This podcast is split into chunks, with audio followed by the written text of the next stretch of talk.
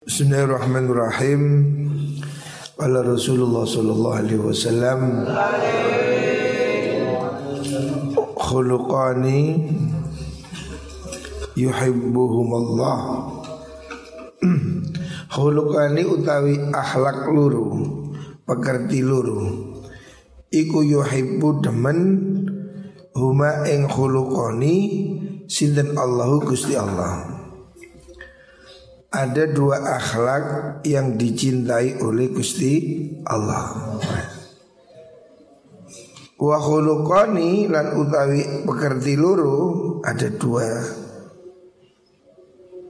pekerti dua perbuatan ya bughidu kang sengit benci huma ing khuluqani sinten Allahu Gusti Allah.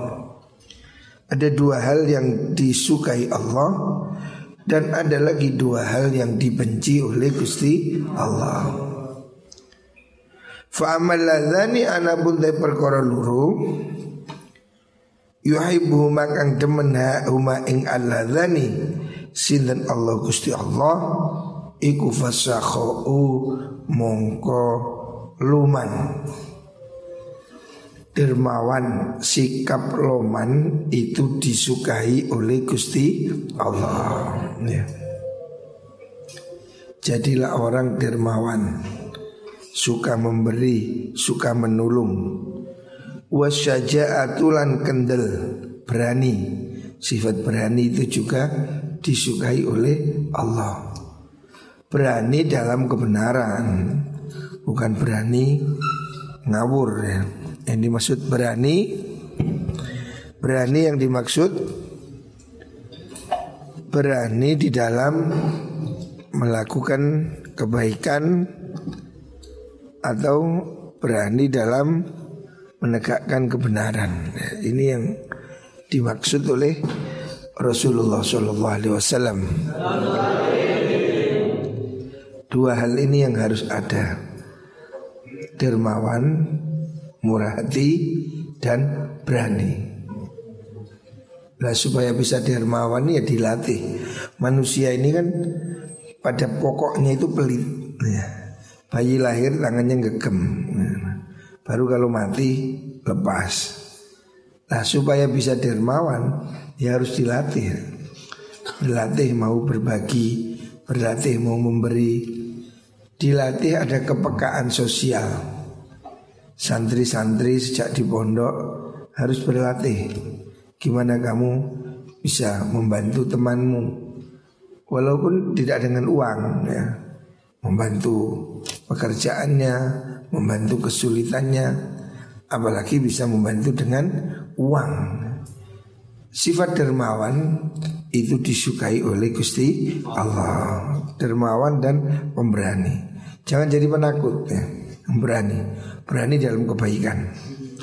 Wa amal ladhani anapun tay perkara luru Ya begitu kang sengit huma ing alladhani sinten Allah Gusti Allah Iku fasu'ul khulki Olone pekerti Wal bakhilu Wal bukhlu Dan bakhil.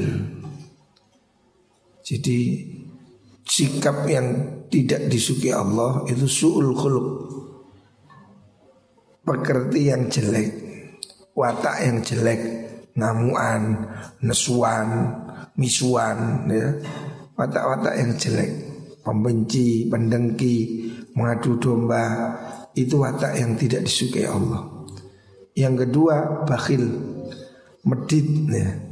jangan jadi pelit. Ya. Toh apa yang kita miliki itu pemberian dari Gusti Allah. Jadi kita harus berbagi. Alhamdulillah pesantren kita ini Pesantren Anur Satu Bulu Lawang Malang ini Sejak dulu tidak pernah kita nolak santri Gara-gara tidak punya uang. Kita selalu berusaha membantu. Jadi Kalau kita bisa Lakukan ya. Saya sejak dulu Santri di pondok ini Bahkan saya ini seringnya malah dihapusi ya Di pondok minta gratis setelah tamat kuliah bayar mampu. Tapi kalau di pondok minta gratis. Nah, ini golongan yang al-medit. Berkali-kali saya ini di pondok ini anak minta mondok gratis, minta mondok tidak bayar, udah oke, okay. saya tidak pernah nolak. Sejak dulu di pondok kita ini orang bilang tidak mampu monggo, orang nggak kuat bayar monggo. Herannya setelah tamat kok bisa kuliah? Itu yang saya pikir. Lalu mondok kok nggak mampu, Lalu kuliah kok mendadak mampu. Nah, berarti dia itu pelit ke pondok maunya gratis. Tapi kalau kuliah kemarin ada datang tiga empat orang. Saya tanya kamu kuliah di mana? Di Anu. Berapa bayarnya? Tiga juta setengah. Kamu tujuh juta. Tak pikir lagi biar mondok gratis. Boleh kuliah tujuh juta mampu. Oh medit Kita ini sebetulnya untuk apa sih medit? Wong pondok ini bukan bisnis. Kita ini apa pun yang ada kita berikan. Pesantren kita tidak pernah nolak siapa pun mau mondok monggo tidak mampu kita nggak pernah nolak. Tapi mbok yo ojo ngapusi gitu. Kalau memang nggak mampu kita bantu ya. Pesantren kita ini selalu siap membantu anak-anak yang kurang mampu. Tapi jangan jadi pelit. Nah, Wa idza arada lan nalikane ngarepaken sinten Allah fi abdin kelawan kebagus fi abdin kelawan kawula khairan ing kebagusan. Kalau orang itu dikehendaki jadi orang baik, istamalahu mongkon dati akan nglakokaken sapa Allahu ing man fi qadai hawaijin nasi ing dalem nekani piro-piro kebutuhane menungso. Jadi kalau kita bisa membantu orang lain, bersyukur ya. Saya alhamdulillah ini suka gak usah dihitung-hitung ya. Berapa orang yang sudah kita bantu, kita tidak perlu berhitung biarlah semua dihitung oleh Gusti Allah. Kalau kita bisa menolong orang lain, itu kita harus bersyukur. Biarpun mereka tidak berterima kasih, walaupun mungkin mereka membohongi kita ya. Ya seperti kasus di pondok yang ini sudah sejak dulu saya selalu kalau ada orang nggak mampu saya bantu. Orang tidak bisa biaya, sudah silakan mondok kita selalu siap menerima. Walaupun ternyata beberapa dari mereka itu sebetulnya mampu Tapi bilang tidak mampu Ya tidak apa-apa ya. Kita bisa membantu itu bersyukur ya. Jangan gelo Apa gelo Bahasa Indonesia apa Gelah Gelo Jangan menyesal berbuat baik ya. Kalau kita bisa membantu orang lain bersyukurlah bahwa kita telah menjadi agen kebaikan dari Gusti Allah. Berarti Allah menghendaki kita jadi orang baik.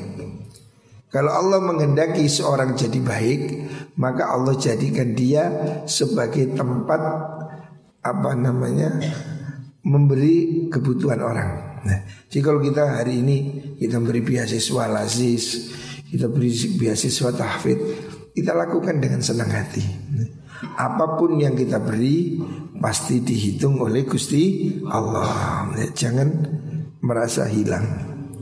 Itu kehormatan bisa menolong orang lain adalah satu kehormatan dari Allah Subhanahu wa taala. Mau berbuat baik ini untung. Jadi jangan nyesel walaupun kita berbuat baik pada orang yang tidak baik. Karena apa? Kita mau berbuat baik berarti kita sudah dapat pertolongan dari Gusti Allah. Rawahul Baihaqi dan Ibnu Umar. Selanjutnya khalaqa. Khalaqa dadi akan sinten Allah Gusti Allah Adam ing Nabi Adam ala suratihi ing atase rupane Nabi Adam. Nabi Adam itu diciptakan dalam bentuknya ya yang dikehendaki oleh Allah. Tuluhu utawi dhuwure Nabi Adam iku situ nasuida apa nih an dhiroe. Jadi tinggi Nabi Adam kira-kira 60 dhiro. Satu dhiro itu lebih dari setengah meter ya satu dhiro itu. 50 sekian senti. Jadi kalau taruhlah 50 senti aja Kalau 60 zirok berarti berapa meter? 30 meter Tingginya 30 meter Nabi Adam ya Ya makanya tambah nusut, nyusut, nyusut Saya ikarek satu meter setengah. Sudah mengalami penyusutan. Nabi Adam dulu tingginya 60 zirok Kalau satu zirok itu kita ambil tengah 50 cm Berarti tingginya kira-kira 30 meter. Uh tinggi sekali ya. Dan kita ini keturunan Nabi Adam. Kalau orang lain mungkin ada yang keturunan kera. Darwin itu keturunan kera Kalau kita enggak. Kita tidak ikut teorinya Darwin. Kita keturunan Nabi Adam. Adapun Darwin keturunan kera ya silahkan. Lah buktinya kera di kebun binatang kok nggak jadi manusia gitu. Kok gak berubah? Kita ini keturunan Nabi Adam. Nabi Adam tingginya 60 dirok 30 meter minimal Falamma khalaqa semangsa ini dadi akan sinar Allahu ing Adam qala dawu sapa Allah idhab. Idhab budalo sira fasallim mongko uluk salamu sira. Ala ulaikan nafari ing atase mengkono golongan minal malaikati saking pira-pira malaikat. Ya. Wahum wahum wahum utai mengkono nafar minal malaikati saking pira-pira malaikat jurusun pira-pira kang lungguh. Jadi Nabi Adam disuruh mengucapkan salam kepada malaikat. Fastami mongko ngrungu sira ngrungokno sira mak ing perkara yuhayyunaka kang ngerubung menghormat tahiyat itu lah menghormat wa idza hayyitum bi fahayyu di tahiyat ngrungokno sira mak ing perkara yuhayyuna kang padha mengucapkan selamat. Cara bahasa Indonesia. Cara bahasa Jawa kuno paring rerubuh memberi penghormatan sinten malaikat ka ing sira. Fa innaha sudune mengkono-mengkono tahiyat iku tahiyatuka penghormatan maring sira wa tahiyatu dzurriyyatika lan tahiyat penghormatan maring anak putu sira Faqala dawuh sinten Nabi Adam Assalamualaikum ing lafat Assalamualaikum Nabi Adam mengucap salam pada malaikat Assalamualaikum Faqalu mongko jawab sebuah malaikat Assalamualaikum warahmatullah Assalam udah selamatan iku alaika sisiro Adam warahmatullahi Lan rahmat Allah Fazaduhu mongko nambahi sopo malaikat hu ing Nabi Adam warahmatullahi ing lafat warahmatullah Jadi membalas salam dengan yang lebih baik. Allah merintahkan wa idza huyyitum bi tahiyyatin fahayyu bi ahsana minha aw rudduha. Kalau kamu diucap salam, jawab dengan yang lebih baik atau minimal sama. Assalamualaikum, waalaikumsalam. Kalau bisa lebih panjang, waalaikumsalam warahmatullahi wabarakatuh. Jawab dengan yang lebih baik. Fakuluman mongko te sekabehane wong Yadkhulu kang mlebu sapa man ing swarga yakni ngarepno Nabi al jannata ing swarga Iku ala surati Adam ing atase rupane Nabi Adam ya. Maksudnya nanti orang yang masuk surga itu tinggi-tinggi begitu Kira-kira 30 meter Telolor-telolor dur kita aja sekarang 2 meter udah tinggi sekali. Kayak telung puluh meter. Bayang loh. Iki biar duri tembok Ini kira-kira 4 meter setengah. Berarti tembus ini. Tingkat telu 4 kali 3 berapa? Di gedung ini lantai 3 pun si oleh separuh nih. Wah, dure. 30 meter Kira-kira begitu Jadi orang dahulu orang nanti besok itu Tinggi-tinggi seperti Nabi Adam Fituli iku dalam dure mengkunuman situ naute swida apa nih dhiraan dhirai Jadi nanti semua orang ini zaman masuk surga, muka-muka kita semua masuk surga. Tingginya nanti 30 apa 60 zira kira-kira 30 meter. Falam yazal mongko ora leren-leren sopo al khalqu makhluk. Iku yang khusus sopo makhluk. Ba'da usausi Nabi Adam hatal ana sehingga saiki ya manusia ini nyusut terus tambah ndek tambah ndek tambah ndek Nabi Adam dulu tingginya kira-kira 30 meter Terus tambah turun, turun, turun. Saya kita bandek, tambah bandek. Suwi-suwi kada sak meter. Ruwahu Syekhan. Ini hadis riwayat Imam Bukhari Muslim.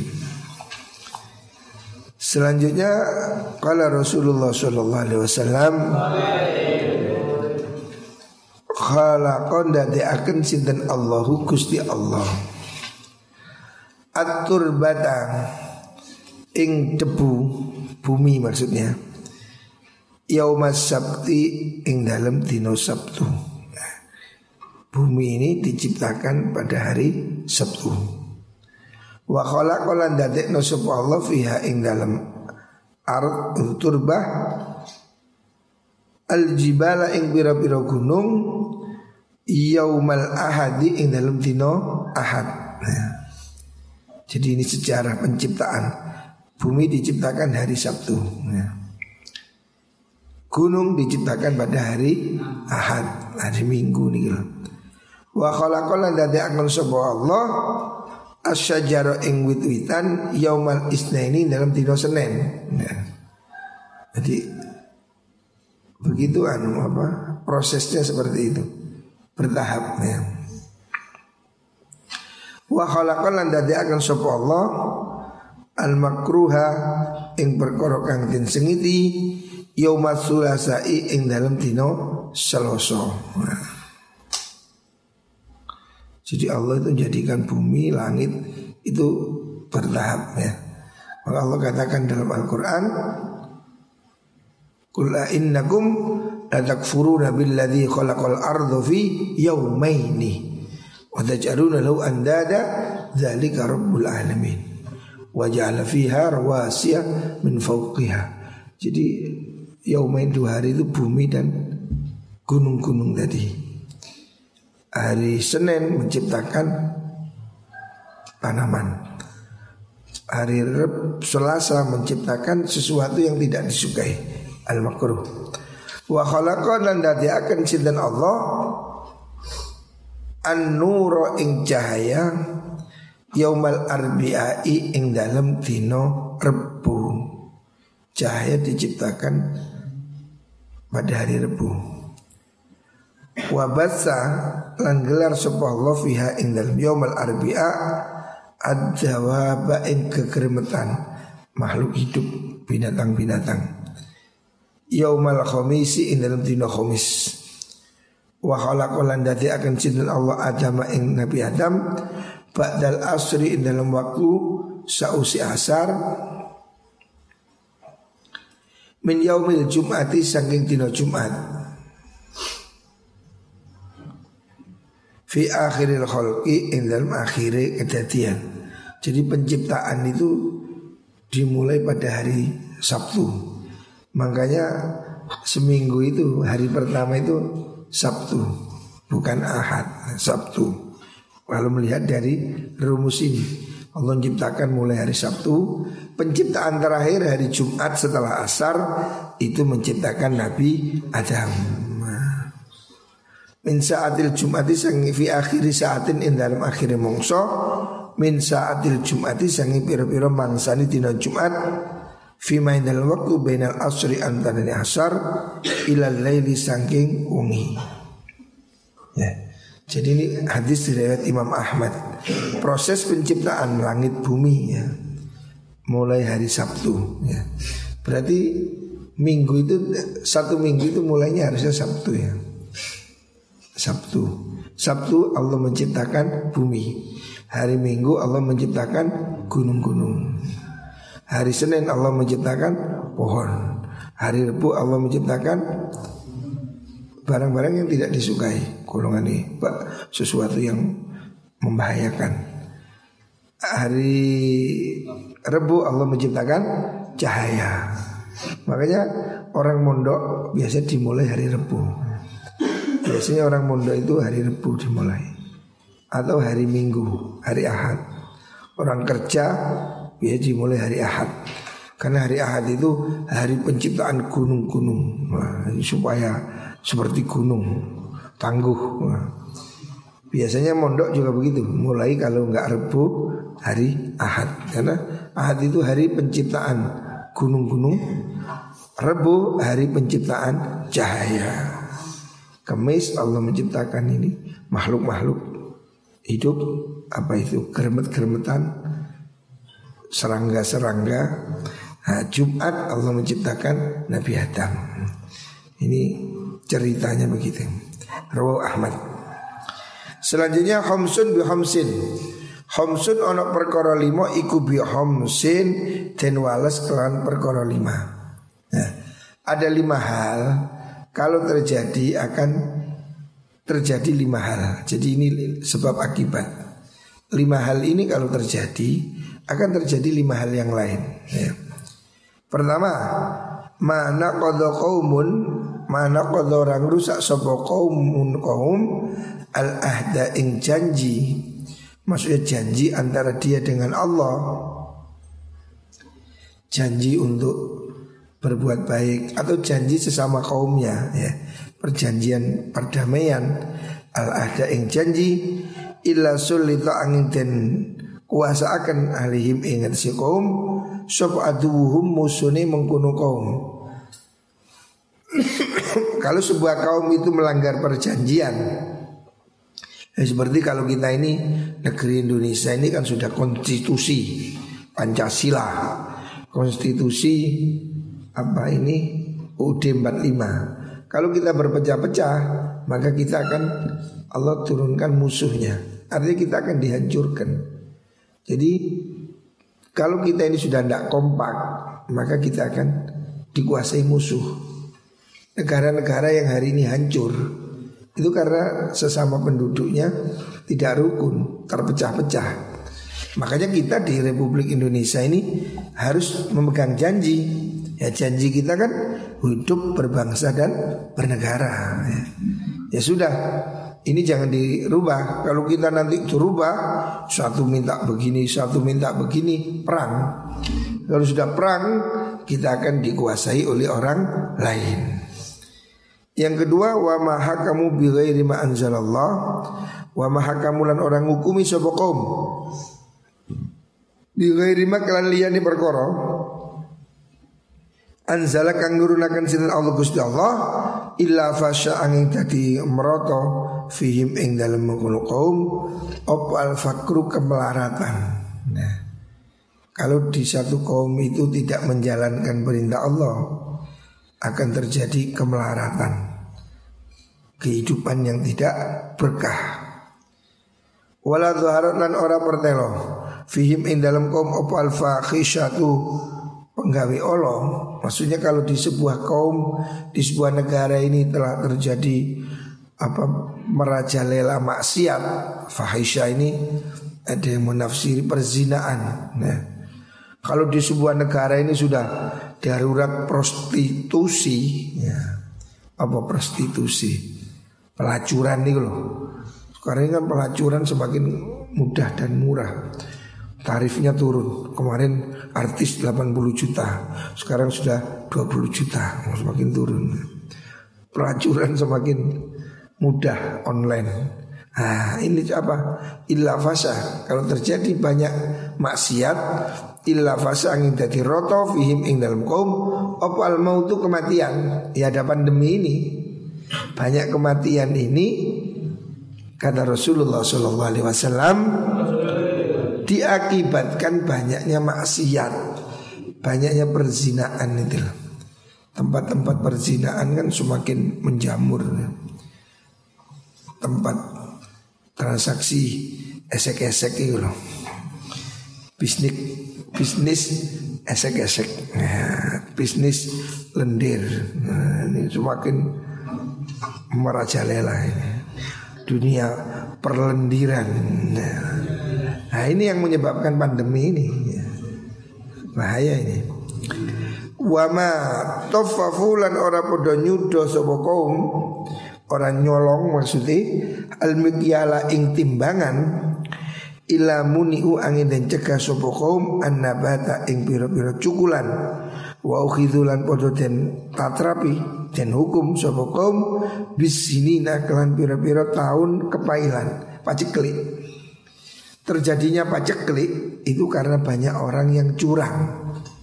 Kalau orang-orang sudah mencuri timbangan timbangan kan sudah mulai dikorupsi kita ini beli gula sak kilo kurang 50 gram.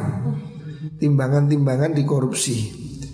Kalau sudah rata terjadi banyak korupsi, maka akan sulit tumbuh tumbuhan. Artinya tanaman-tanaman tidak bagus, ya, tidak berkah. Ini mungkin hari ini sudah terjadi ya. Negara kita ini subur luar biasa, tapi kan impor nah, impor beras, impor apa lagi, gula, impor buah, karena ini mungkin banyak pencurian timbangan atau korupsi itu. Sehingga terjadi paceklik. Wala mana ulan orang nyegah sopokom az zakat ing zakat illa hubisa angin den cegah andum saking mengkono opal kotor udan. Nah, kalau orang-orang ini semakin pelit, tidak mau berzakat, tidak mau berbagi, maka hujan akan sulit. Hujan ini simbol rezeki. Rezeki menjadi sulit kalau orang-orang tidak mau membayar zakat. Jadi zakat itu sesungguhnya memudahkan rezeki. Zakat itu tidak berkurang. Kata Rasulullah Sallallahu Alaihi Wasallam, zakat itu tidak mengurangi harta. Mana kosomalu abdin bisadaqah sedekah zakat itu tidak mengurangi harta. Walaupun kelihatannya kurang, tapi sesungguhnya tidak. Zakat itu cara wong lanang kayak sunat itu. Anumu disunat itu. Sunat kan dipotong sedikit. Dipotong tapi kan gak tambah cilik, tambah gede, tambah molor, tambah delondeng-delondeng Kalau nggak dipotong itu gak berkembang. Jadi disunat itu dikurangi sedikit tapi tambah besar, tambah molor.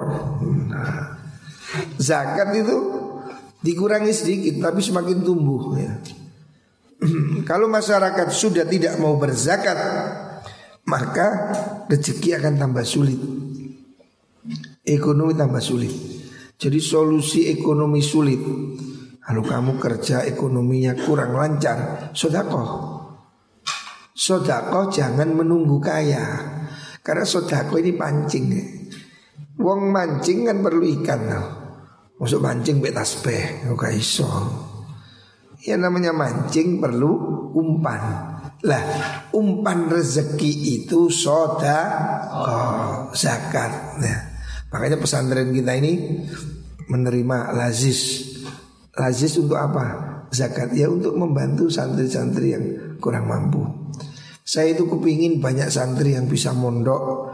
Kita ingin semua orang bisa ngaji. Makanya kita selalu umumkan pesantren kita ini Pesantren Anur 1 Bulu Lawang Malang ini Menerima anak-anak yang mau tahfid Kita beri beasiswa ya. Yang membutuhkan beasiswa kita beri Makanya kita membuat wadah namanya Lazis ini Karena kita ini melihat banyak di sekitar kita ini orang-orang yang kepingin mondok tapi tidak punya biaya.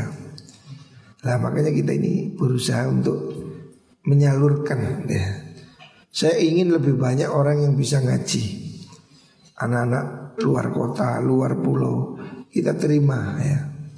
Kita ingin pesantren ini sebagai tempat apa? Pendidikan yang mudah dan murah untuk semua orang.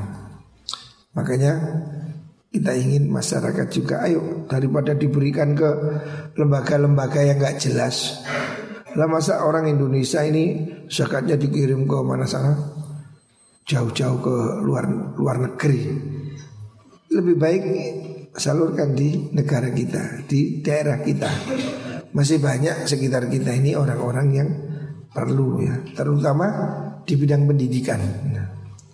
Masjid-masjid, musola-musola, madrasah-madrasah harus dihidupkan.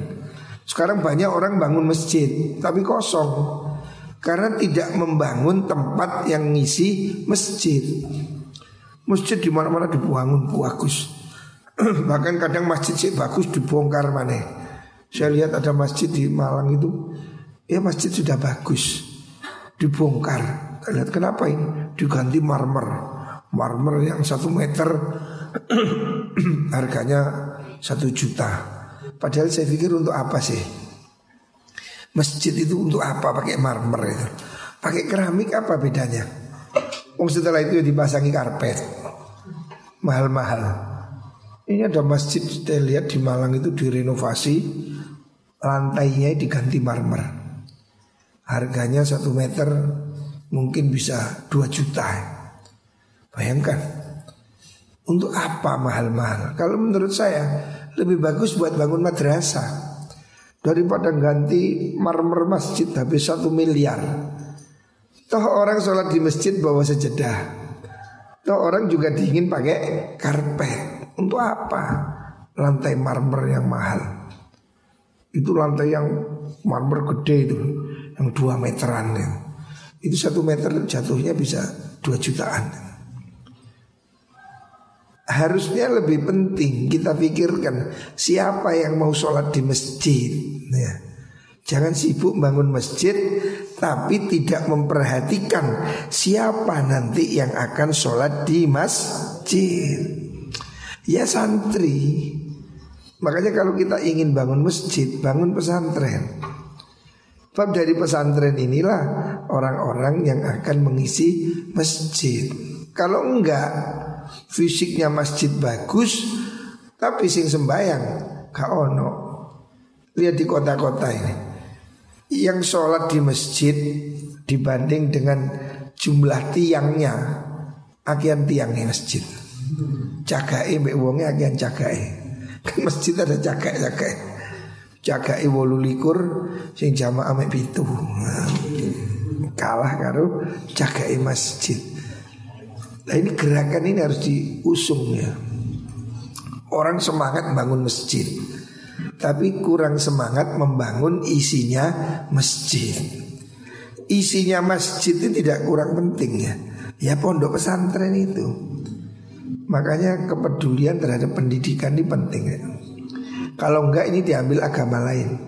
Agama lain ini sekarang kan kasih beasiswa beasiswa. Ujung-ujungnya mereka ditarik ke agama mereka.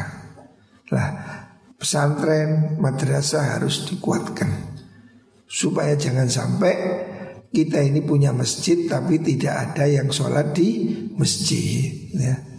Nah inilah pentingnya pesantren ya.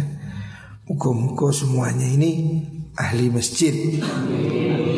Masjid juga penting, tapi pesantren juga tidak kalah penting. Hari ini alhamdulillah kita bangun masjid. Kamu tahu yang di timur rumah itu masjid. Kita bangun masjid dua lantai. Ya masjid juga kita penting nah, Tapi pesantren ini juga penting Makanya isinya masjid ini ya santri ini nah, Moga-moga semuanya sergap ke masjid nah.